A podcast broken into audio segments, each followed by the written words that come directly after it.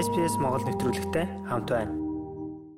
Сайн байцгаана уу ихэм сонсогчдоо. Энэ удаагийн мэдээллээр Австрали улс гадаадын иргэдийг хизээ хэлээр нэвтрүүлэх талаарх сүүлийн мэдээг бэлтгэх өргөж байна. Австрали улсын хэмжээнд COVID-19 цар тахлын эсрэг вакцинжуулалтын хүрээнд олон мянган иргэд анхны тунгай хариулаад байгаа. Гэвч хизээ дэлхийн бусад орнуудад хилээнийх нь одоо хүртэл онцгой хэвээр байна. Австрали улсын хувьд өнгөрсөн жилийн 3 дугаар сараас хойш гадаадын иргэдийг хилээр нэвтрэхэд хориг тавиад байгаа. Холбооны засгийн газраас ч онцгой байдлын хугацааг дахин 3 сараар сунгацснаар 2021 оны 6 дугаар сарын 17 хүртэл ямар нэгэн хэлтрүүлэх шалтгаангүй олон улсын аялагчдын хувьд хил хаалттай хэвээр байхаар боллоо. Австралийн эрүүл мэндийн яамны хэвлэлийн төлөөлөгчийн хэлж байгаагаар дэлхийд дахинд COVID-19 цар тахлын хөнөөл буураагүй байгаа энэ үед Австрали улсад нэвтрэх хэрэгэд зохих ёсны эрсд бууруулах хяналтаар орох ёстой болох гэнэ.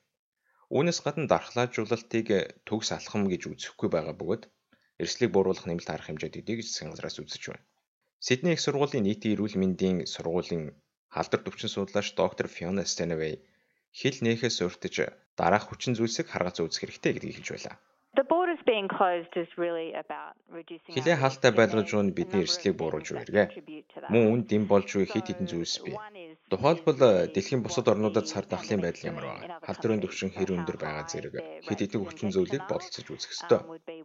Хоёрдугаарт хэдэн хүн вакцинд хамрагдаад байгаа зэрэг эндх нөхцөл байдал ямар байгаа вэ гэдгийг харах хэрэгтэй. Харин гуравдугаарт вакцин маань халдвараас ямар хэмжээнд сэргийлж чадж байгаа вэ гэдэг их чухал. Одоогор бид энэ талаар сайн мэдэхгүй байгаа ч улам их мэдээллүүд нээлттэй болсоор байна. Тэгвэл олон улсын аяллыг хизээнээс эхлүүлэх талаар ямар төсөөлөлтэй байх хэрэгтэй вэ бид?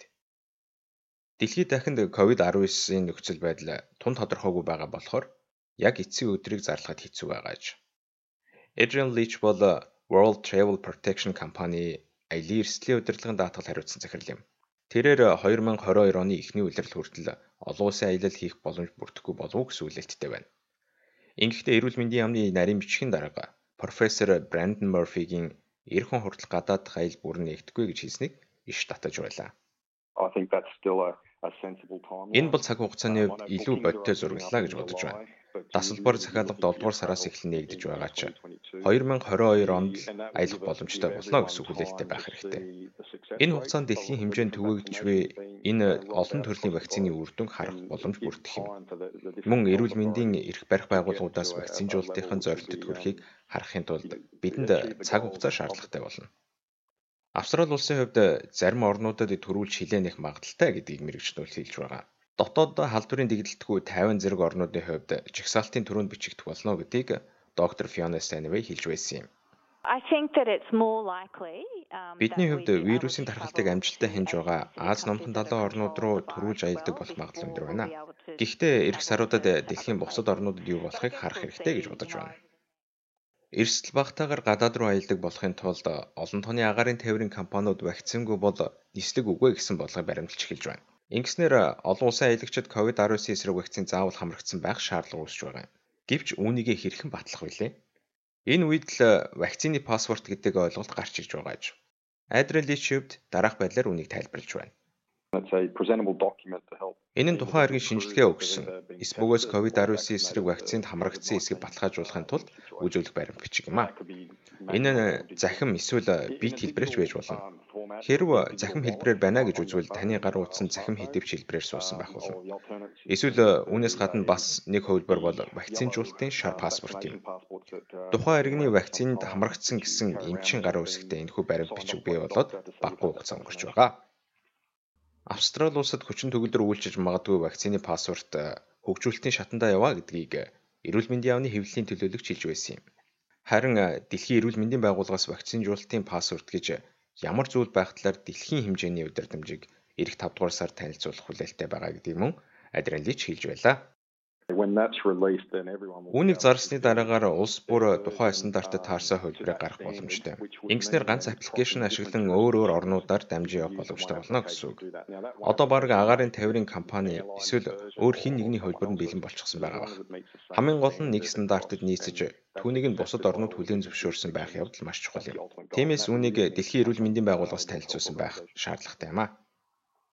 Хэд хэдэн төрлийн вакцины паспорт аль хэдийн хөгжүүлэлтийн шатандаа явж байна дэлхийн 290 агаарын тээврийн компаниг төлөөлж байдаг олон улсын агаарын тээврийн холбооноос зорчигчдын шинжилгээ болон вакцинжуулалтын байдлыг харуулдаг эрүүл мэндийн цахим пассворд дээр ажиллаж байна.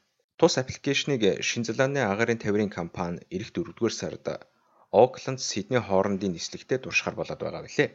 Энэхүү програм хэрхэн ажилладаг болохыг RMIT их сургуулийн доктор Кристал Жан дараах тайлбарыг өгсөн юм. Итгэмжлэгдсэн вакцины нийлүүлэгчдийн мэдээлэлтэй холбоос үүсэх болно. Ингэснээр тухайн аялагчийн вакцины түүх, эсвэл шинжилгээний үр дүнг хадгалж буй клиник, эмнэлгүүд мэдээлэлээ олон улсын агаарын тээвэрлэгчдийн програм руу илгээнэ гэсэн үг. Ингэснээр зорчигч тасалбараа захих үед нисхийн ажилчид тухайн мэдээлэлд нэвтрэх боломжтой болох юм. Тухайн аппликейшнийг ашиглан зорчигч вакцинд хамрагдсан эсийг шалгаж баталгаажуулах боломжтой болно гэсэн үг.